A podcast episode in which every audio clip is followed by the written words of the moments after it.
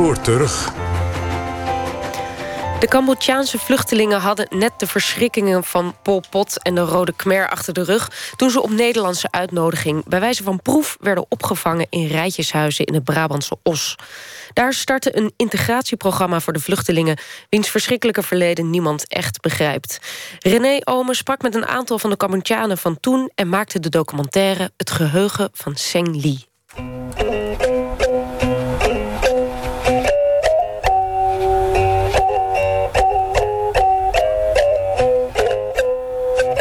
Je kan nooit vergeten.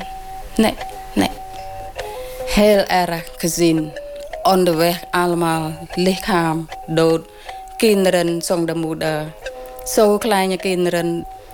Je ziet alle mensen elke dag dood on onderweg. Alles, alles. Maar iedereen was verzwakt, geen eten. Je ziet gewoon zo en uh, heel moeilijk.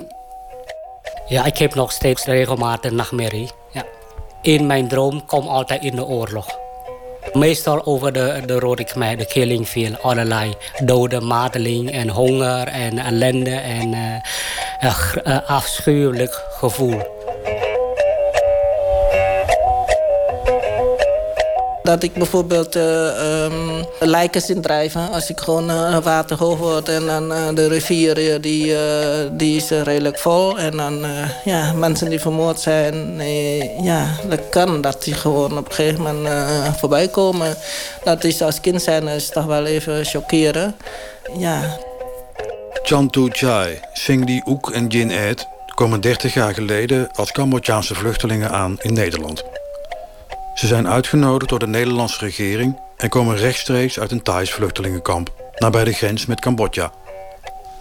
Na de verschrikkingen van het Pol Pot-regime en een ruim vier jaar lang verblijf in Thailand, heeft het lot bepaald dat ze naar ons land mogen komen. Ja, je ziet, je ziet gewoon die, die bombardement zo. En mijn moeder zegt: Zie naar die kant, maar je moet naar die kant rennen. Ja. Daarna komt die, die kleine mijnje, hoor je in de water. Maar jouw leven niet geraakt. Ik heb een klein beetje geraakt in mijn knie. Maar ik wist van niks. Seng Lee en Jin komen allebei uit de stad Battambang, in het noorden van Cambodja. De Jan Tu groeide op in een klein dorp dat geregeld met mortiervuur werd bestookt. De verhalen zijn dan ook doorspekt van angst, bommen en vuur. Dit, dit, dit is eng. En ik zie gewoon, en die huis van mijn tante blaast die weg. Ja, zo'n grote huis die gewoon weg. En ik zie nu nog, als ik terug naar Cambodja, ik zie nog, ik zie nog. Ik zeg, oh. We couldn't understand why there were so many civilian casualties in this war. Why were they hitting all these civilians and villages? It was you know, every nightmare of how you fight a war. From 1969 to 1973, more than 500,000 Cambodians died. By 1974, the bombing had disrupted the nation's agricultural system and a famine ensued. Over 2 million refugees poured into overcrowded cities. Dan zie je over, overal de, dat de bloed op straat en de mensen gewoon geraakt. En uh, je huilen, schreeuwen en rouwen. Nou, het is wel de vlucht, de vlucht er, uh, bijna het hele jaar van de ene locatie naar de andere. Maar toen de Rode Khmer in 1975 uh, aan, de, aan macht kwam... en moest alle de mensen van het huis verlaten. Wie weigert het huis te verlaten, wordt gelijk doodgeschoten. Dus de mensen worden oude weg geruimd. Het schrikbewind van Pol Pot's Rode leverde al snel slachtoffers op. Pol Pot wilde letterlijk terug naar het jaar nul. Het stedelijk intellect moest worden uitgeroeid. En monniken, leerkrachten, artsen, ambtenaren, militairen en andere intellectuelen werden geëxecuteerd. Ook de vader van Seng Li liep gevaar. Hij was immers huisarts. Of uh, postbode, en, uh, die kan wij lezen en uh, schrijven. Die wordt beschouwd als een, een intellectuele. De mensen met uh, bril. Die lezenbril, die, die wordt gezien als een intellectuele. En die wordt opgepakt en dan uh, vermoord.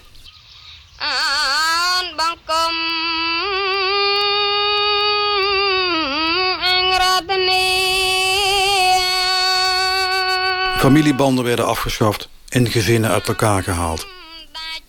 Cambodja verandert langzamerhand in één groot werkkamp. Op een gegeven moment, ik weet niet meer exact...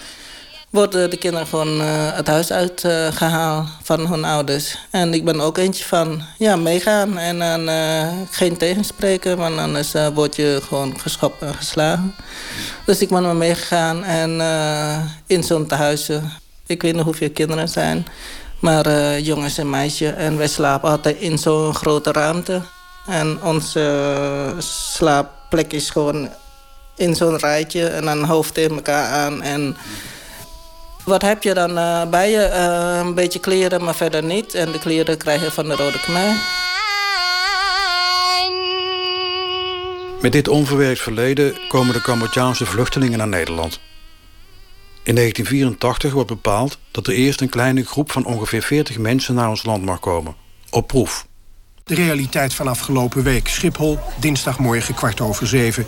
40 van de 110 Cambodjanen zetten voor het eerst voet op Nederlandse bodem. Voorlopig hun nieuwe vaderland.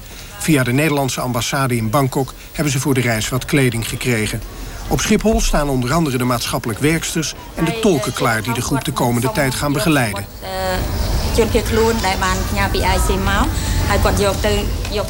Via de opvang in Apeldoorn komen ze terecht in rijtjeshuizen in Os. Maar vrijwel niemand weet exact wat ze hebben meegemaakt. Roswitha Weiler van Vluchtelingenwerk raakt bij de pilot betrokken. Gaat zelf enige tijd in Os wonen en observeert voor een antropologisch onderzoek de Cambodjanen al daar. Om eerlijk te zijn wist ik er eigenlijk helemaal niet zoveel van. Dat was natuurlijk allemaal een heel schrijnend en eigenlijk onvoorstelbare uh, tragedie... die zich in heel korte tijd eigenlijk in een, uh, in een uithoek van de wereld dan heeft afgespeeld... en waar mensen eigenlijk weinig van wisten. In die periode kwam toevallig net die film Killing Fields uit. En uh, ik ben dus met die hele groep Cambodjanen... naar de bioscoop in Os geweest om samen naar die film te kijken. Nou, dat is... Ik krijg er nu nog kippenvel van als ik eraan denk.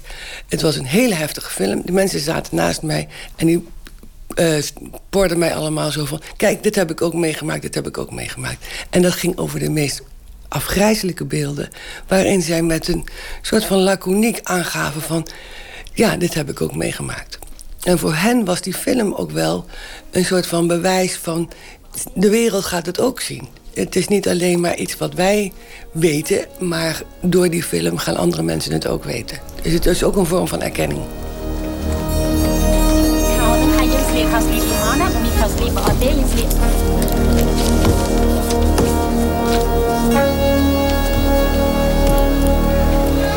Die verschrikkelijk die ik meegemaakt, die uh, over mijn broer.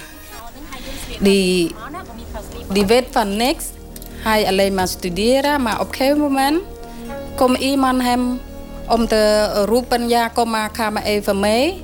Maar op een gegeven moment is iets... Weet niet wie. Vreemd. Vreemd, ja. Zegt iemand iets, roept, ja, oké, hij gaat mee. Gewoon vertrouwen, hij weet niks wie dat is... en wat zou met hem gebeuren, zeg maar. En op een gegeven moment komt, komt nooit meer terug. Hij komt nooit meer terug. En toen zijn vriend kwam naar mijn moeder om stiekem te vertellen... hij is leven begraven. Ja, hij is leven begraven. En toen, dat is de vraagteken. Wat is gebeurd? Waarom? Waarom in Cambodja? Daar, daar begin ik voor.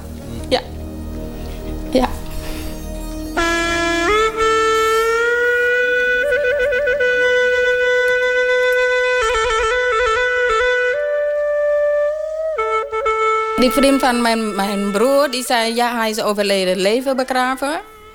En mijn moeder die hoort zo en zij heeft helemaal bewusteloos. En zij weet niks meer. Zij pakt gewoon een sjaal of trui of zo. Zij rent naar buiten om... En ze wil zullen hangen. Dit is... Ja, die is nooit vergeten, ja. Ja, alleen weet niet waarom. En later hoor je pas dat elke dag de mensen dood. En bij stiekem praten in huis mag niet niemand horen. Hè? Want dat is gevaarlijk. in die politiek. Maar daarom zeg ik alleen maar vraagteken. Waarom? Wat is gebeurd in Cambodja? Wat is dat? Ja. Maar toen wisten ze nog niet dat de Rode Khmer zo, zo slecht was. Dat beseft niemand. Nee. Toen de Rode Khmer als eh, de eerste week aan de macht kwam, waren we heel erg blij. Wij beseffen niet wat voor communisme het was, of het slecht was. Dus uh, voor ons is wel, uh, was een, een nieuwe, hele splinternieuw regime. Dus in 1975. En op een gegeven moment, één week later, moest iedereen het huis verlaten. Weer niet verlaten, werd gedwongen of doodgeschoten.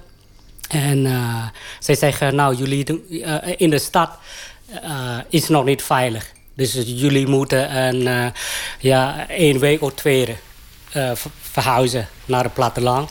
Ze moeten eerst de, hele boel opruimen in de stad. Want er zijn nog wel vijanden of uh, explosief in, uh, in de steden.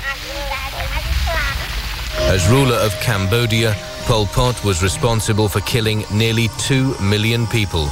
That's a quarter of the country's population. In his four-year reign, Pol Pot tortured and starved the Cambodians to death. Men, women, children and babies. He turned Cambodia into a killing field. Als medisch antropoloog zette Willem van der Put voor Artsen zonder Grenzen traumaverwerkingsprogramma's op in Cambodja zelf. Waar hij vanaf eind jaren 80 een periode ging wonen. Om met eigen ogen te zien hoe het Pol Pot-regime nog in de hoofden van de mensen zit. En, en wat ik aantrof was een sfeer alsof het hele Pol Pot verhaal pas gisteren afgelopen was. Een, een, een letterlijk lamgeslagen land. Je hoefde maar drie vragen te stellen en, en alles ging over, over wat er tijdens die beroemde drie jaar, acht maanden en twintig dagen, zo lang is Pol Pot aan de macht geweest. Iedereen kent dat dan, die getallen uit zijn hoofd. En dat is waar mensen over praten. Een gemeenschap waar mensen eigenlijk uh, nog lang niet waren bijgekomen van wat ze was overkomen. En daar waren de nachtmerries en de gruwelijkheden die, die elke nacht opnieuw beleefd werden... De, het onderlinge wantrouwen, de angst dat het allemaal opnieuw zou gebeuren... was echt levensgroot.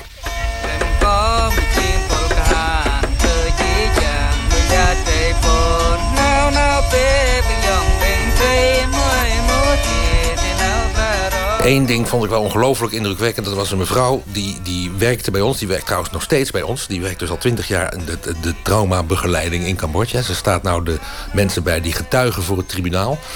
Uh, en deze mevrouw zelf, die uh, vertelde mij pas na een jaar of twee... toen kennen we elkaar al vrij goed... en pas toen kwam het verhaal eruit... dat zij zelf uh, haar man kwijt was geraakt. Toen onder Pol Pot een gedwongen huwelijk had. Er was veel gebeurd. Ze moest dan trouwen met een man waar ze niet van hield.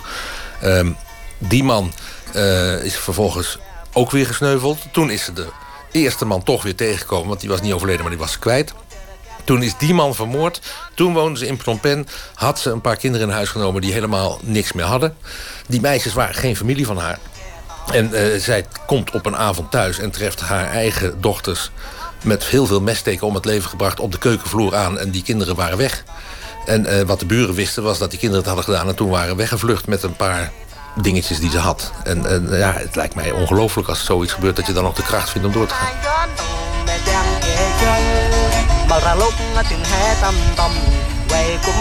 In de dorp waar ik woon...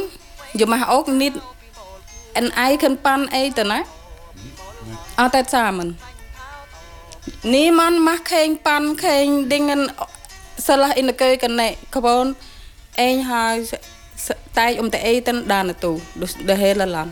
Mm-hmm. Ja, en toen moet ik uh, weg, omdat uh, die tijd heb ik... Ik kan goed uh, zingen, zeg maar.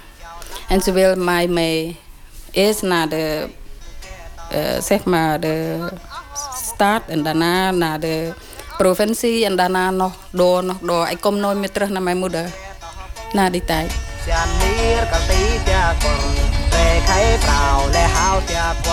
Chantu verliest drie zussen en een broer. En Jin drie broers en een zus. Uh, mijn broer en zus die waren echt uh, uh, studenten. En die hebben zoiets van, ik neem een boek mee, mijn tas mee. En wie weet kan ik weer naar school. En op een dag uh, dat zij het huis uitgedreven en rondgezworven op straat. En op een gegeven moment maakt een van mijn uh, broer of zussen een opmerking zo van... Goh, wanneer kan ik weer naar school? Hoe lang gaat dit duren? En dat was een heel verkeerde opmerking. En uh, mijn oom en tante die waren ook uh, leerkracht. En uh, mijn broers is studenten. En een groep van twintig familieleden hebben zij gewoon vermoord onderweg. En daar hebben de dorpelingen naverteld dat er zo is gebeurd. En hoe en wat met het uh, lichaam gebeurt, dat weten ze niet. Want ze zijn doorgelopen en die is gewoon blijven liggen. Dat is de laatste bericht wat wij te horen krijgen. Ja, ze zijn doorgeschoten.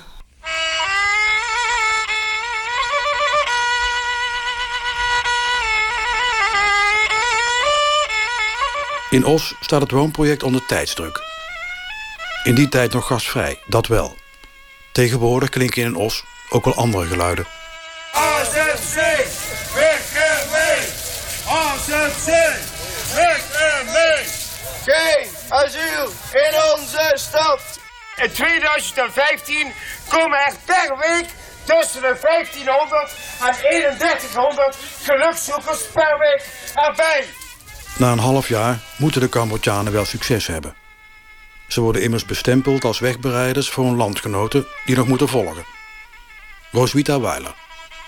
Deze groep die werd niet als bedreigend gezien. Uh, het waren gezinnen.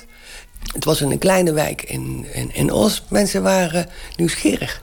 Uh, de, de bevolking. Uh, er zijn ook gastgezinnen geworven. En dit, dat was heel makkelijk. Ieder gezin kreeg op een gegeven moment een Os gastgezin... die hun meenam naar allerlei ja, activiteiten, liet zien hoe het in een Nederlands gezin toegaat. En dat ging eigenlijk allemaal heel soepel. Dat betekent dat je dus mensen eigenlijk eh, in hun eigen waarde laat. Dat vonden we toen allemaal heel mooi. Eh, dat het zo zou de multiculturele samenleving eruit moeten zien. Totdat je op een gegeven moment gaat merken dat dingen dan niet meer sporen.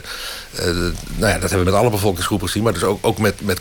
En dan zijn we eigenlijk nu nog steeds op zoek naar een tussenweg. Waarbij je niet zegt of het is allemaal goed of het is allemaal fout. of je bent nou ineens gedwongen, dan moet je nog Nederlandser zijn dan een Nederlander. Dan hebben we een integratiecursus en dan moet je weten wanneer je wel en geen oliebollen eet en wie Sinterklaas is.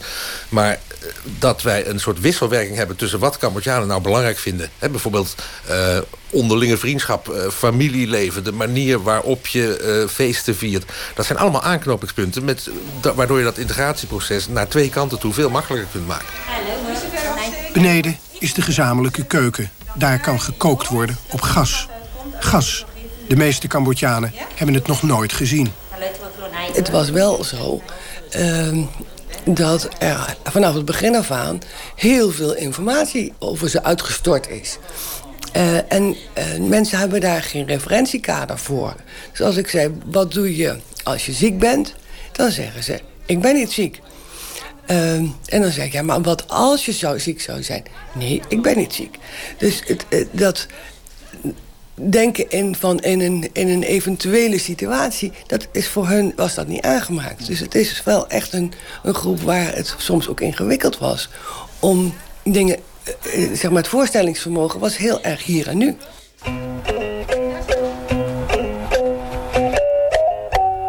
In alle verhalen van Chantu, Seng Li en Jin komen de emotionele ontberingen terug waarmee ze ook hier moesten omgaan. Het gedwongen werken in een kamp, de vernederingen, de honger en de executies. Chantu heeft dan nog min of meer geluk en komt terecht in een naaiatelier in Phnom Penh. Toen allemaal uh, werken ook voor sommige mensen kleren stikken in de, in de, in de stad, zeg maar. Een verschillende fabriek. Maar allemaal die mensen... Uh, dragen kleding alleen maar zwart. Allemaal zwarte blouse, zwarte broek, zwarte, alleen maar stikken. Ik was toen tien jaar toen ik uh, terecht in een kamp. dus uh, in het begin uh, alleen de ouderen moesten werken. Maar later de kinderen ook gescheiden van hun ouders. En zelfs het kind van zes jaar moest ook werken. Ja, zes, zeven jaar moet werken. Wij mochten ook niet hun onze emotie uh, laten tonen. Want wij werden gewaarschuwd door de, de leider van het kamp. Dus je, mag niet aantonen. Dus uh, je bent niet meer de eigendom van je, van je familie, maar van de staat, van de communistische staat. Wij moesten werken. En uh, ja, elke dag moesten werken. Dus s ochtends vroeg, als de zon opkomt tot de zon ondergang gaat. Dus moet weer werken. Dus we hebben geen tijd voor een rouwproces van scheid of verlies of wat dan ook. En we krijgen twee twee keer per dag eten. Uh, 12 uur middag en, uh, en de andere is uh, s'avonds, als de zon ondergang gaat. Dus de ene keer om 6 uur, de andere keer om 7 uur s'avonds. Dan krijgen we eten van de stad. Dus wij bezitten niks, alleen één boot en één lepel. Dat is ons eigen bezit. En zelf ouders, ons ouders is ook niet meer van onszelf. Alles is van de staat, van de communistische staat. Morgen vroeg worden we gewoon geroepen. Zo van uh, snel, uh, hup, in de rij staan. Dus je gaat je bed uit, of bed niet. je, je komt uit je, je, je slaapplek dan. Een bed kan ik niet noemen. En dan gauw water op je hoofd wassen. En dan in de rij staan. En dan op de, in houding. En dan zo snel mogelijk. Als je te traag bent, kan je ook nog een map krijgen. Dus dat, dat is gewoon uh, mijn uh, regime uh, vier jaar lang geweest. Het wordt niet getolereerd. Dus al die, zelf met woorden, woorden wisselen. Of op straat is ze gelijk opgepakt. Meestal is ze zelf daar opgepakt. En s'avonds wordt opgehaald en dan verdwijnen. Dood, doodgeslagen, doodgemarteld. Dus meestal gebruiken ze een stok en een, een bijl om de mensen af te maken. Ik heb wel gezien dat ze wel doodgeschoten, de mensen doodgeschoten. Ook met de bijl, één keer met de bijl afgeslagen. En heel veel uh, zag ik met, mijn ogen, heel veel, uh, honderd mensen opgepakt en in een gebooi, in booi geslagen. En uh, zo is het. En, maar heel veel slachtoffers dood op lange wegen. Zag weet je, ja, honderden. En dan worden gewaarschuwd, kijk, wie die, uh, die tegen de, de staat is wel de voorbeeld ervan. Dus uh, moet vrezen voor je leven. Doet wat de, de organisatie, de communistische staat, opdracht. Gewoon boven beneden atelier. Dus iedereen s'avonds tot de tijd klaar met werk gaat je gewoon boven. Dat is een soort appartement in Phnom Penh. Beneden maken ze allemaal voor de naaimachine. En boven slaapt ze gewoon uh, zo de kamer. En dan voor tien. Tien naar die kant, tien naar die kant. En dan op tijd werken, weer naar beneden werken. Tijd eten. Dus ik, ik hoor alleen maar Pol Pot en uh, Khieu Samphan. En ik hoor alleen maar zo de naam. En de leiding of de voertuig die daar. Dus alleen bepaalde mensen die uh, hebben ze ook, krijg je ook opdracht van boven. Ja, je moet dit doen, dit doen, zeg maar.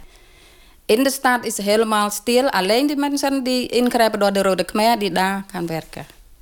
De rest van de stad, als je verder loopt waar, jij, waar de plek waar ik werk, stil. Ik vraag me af, hm, waarom kan dat nou? Nou, we hadden totaal geen vriend. Want uh, niemand vertrouwt niemand. En uh, ja, je kon geen vriendje maken. Dus uh, alleen maar honger. Wij, ja, wij lijden. Uh, voortdurend honger. Laat maar zeggen, zelf in onze droom. Het is altijd honger, honger, honger. We denken niet anders. Zelf onze ouders, zelf, we, we hadden geen tijd om naar onze ouders of familie of van het vorige regime goed herinneren. Als het geweld ongelooflijke proporties aanneemt, proberen veel Cambodjanen net over de grens naar de Thaise kampen te vluchten. Het wordt een onmenselijke tocht door de jungle. En ik hoor, die dag, die nacht, ga ik niet slapen. Ik wacht op die mensen gaan. Ik, wil mee. Ik wil mijn eigen leven ook redden. De ene kant, Rode Khmer schiet jou dood. De andere kant, de soldaten van de Thai bij de krent, bij de krent staan, schiet jou ook dood. En wat ga je? Maar ik loop echt achter de mensen mee. Vanaf 12 uur tot ochtend. Om 7 uur in de, of 8 uur in de ochtend. Wij zijn in Thailandse kren. Daar. En uh, wat moeten wij doen? Als je schiet, je bent gelijk dood. Ja. ja. En op een gegeven moment, je, ik hoor een, een mensen, zeg maar Thai mensen, op de weg lopen. Maar wij uh, verstoppen. Verstoppen.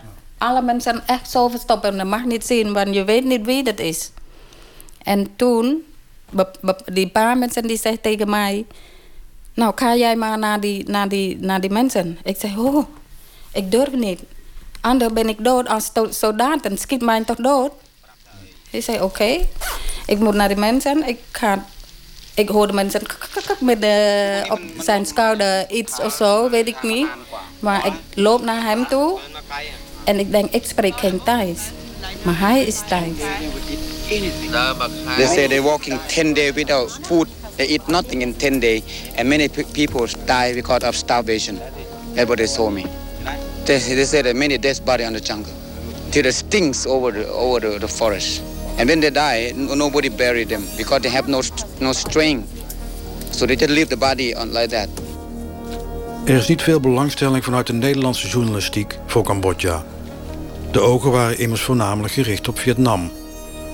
Maar in 1979 wagen Art Hovers en cameraman Remo Havelag zich in het grensgebied voor Tros Actua TV om zich over het lot te buigen van de Cambodjaanse vluchtelingen die uit angst voor het geweld naar Thailand vluchten. We zijn nu geen kilometer meer verwijderd van de Cambodjaanse grens die hier achter mij ligt. En hoe dichter we bij die grens komen, hoe meer mensen we tegenkomen. In dit gebied, hier op deze weg en hier in de omstreken, in de moerassen, in de rijsvelden... wonen maar liefst 40.000 mensen. Op nog geen kilometer afstand van Cambodja dus. En het grootste probleem waarmee de Thaise soldaten, het Thaise leger geconfronteerd wordt... dat is de honger die de mensen geleden hebben de afgelopen maanden. En vandaar dan ook dat de Thaise soldaten hier proberen die mensen zo goed mogelijk enig voedsel te verstrekken. Op een gegeven moment stap ik zo en hij zo. Ik spreek toch geen Thai, maar ik heb honger. Ik doe het zo. Ik doe het zo op de weg, hè? Op, op de corona. Ik doe het zo en ik zeg tegen hem, ik heb honger. Dat, dat is heel raar. Hij zei, ik heb honger. Maar toen, hij spreekt uh, Khmer Sarin. Sarin, dat is ook bijna Cambodjaanse taal. Hij zei, oh, ja, dan uh, mijn leven is gered.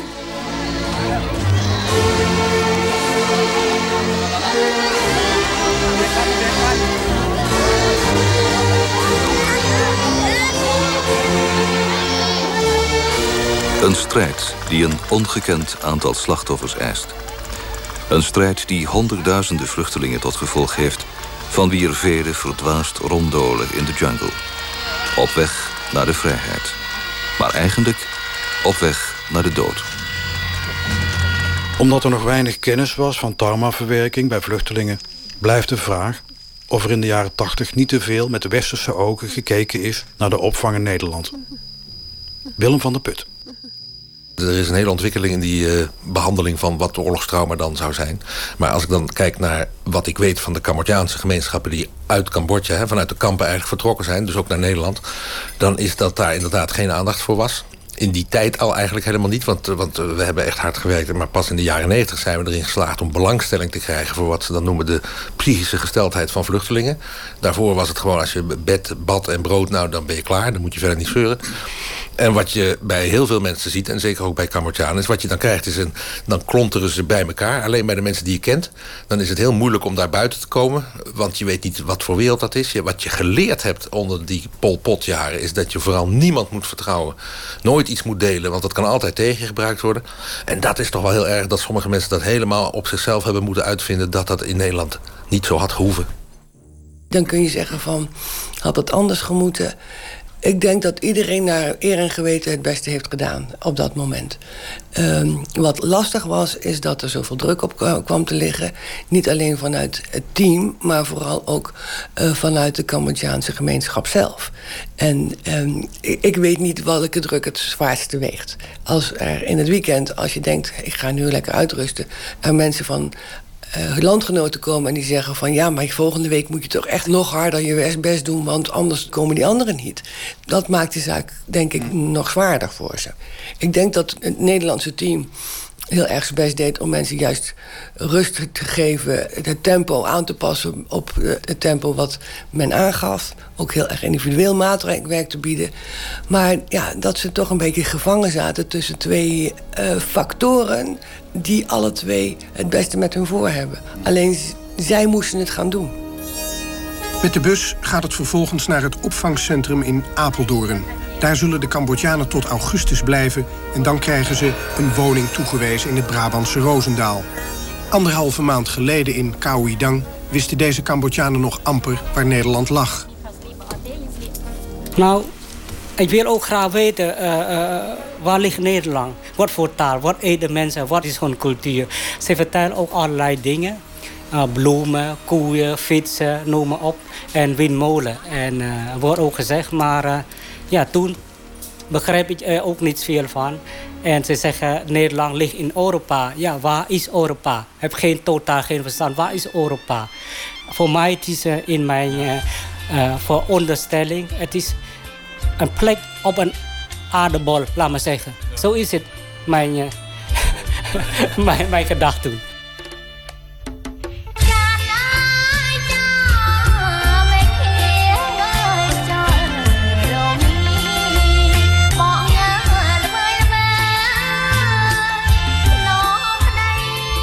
In 1995 hadden wij uh, voor het eerst naar Cambodja. Mijn man, ik en jongste ja. Met de vliegtuig, vliegtuig bijna landen. Ik kijk naar beneden, gelijk huilen. Je ziet alleen maar brand. Je ziet niks leeg, zeg maar, waarom. Maar je, je weet precies dat er in het land echt oorlog geweest in het land is helemaal plat. Ja, je ziet meteen dan ik helemaal huilen. En je ziet die familie komt naar jou en oh. Ja.